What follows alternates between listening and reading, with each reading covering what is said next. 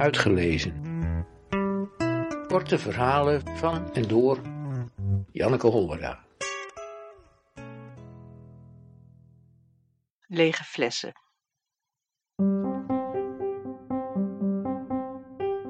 Ze zetten de gitaren op de grond tussen hun benen.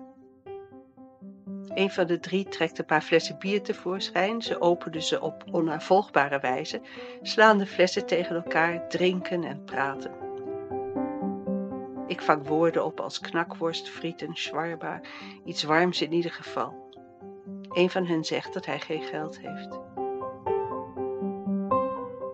Als we het eindstation binnenrijden, staan de lege flessen op een rij op het tafeltje voor het raam. De jongens hijsen hun gitaren op hun rug en ik bedenk hoe ik ze vriendelijk maar beslist kan wijzen op de zooi die ze achterlaten.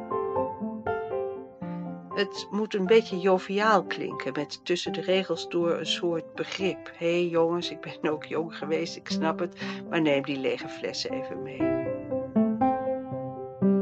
Ik moet ze niet boos maken.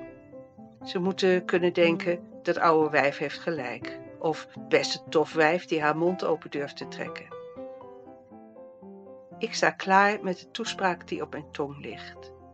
Met een glimp van een glimlach, mijn hoofd op het punt om een minuscule beweging naar rechts te maken, te interpreteren als: hé hey jongens, ik ga nu iets zeggen dat wel gemeend is, maar dat jullie mij niet euvel moeten duiden. Op dat moment lopen ze het gangpad in. Ze nemen hun lege flessen mee.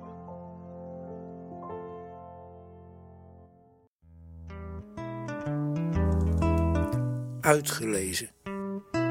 Techniek Redwing Producties.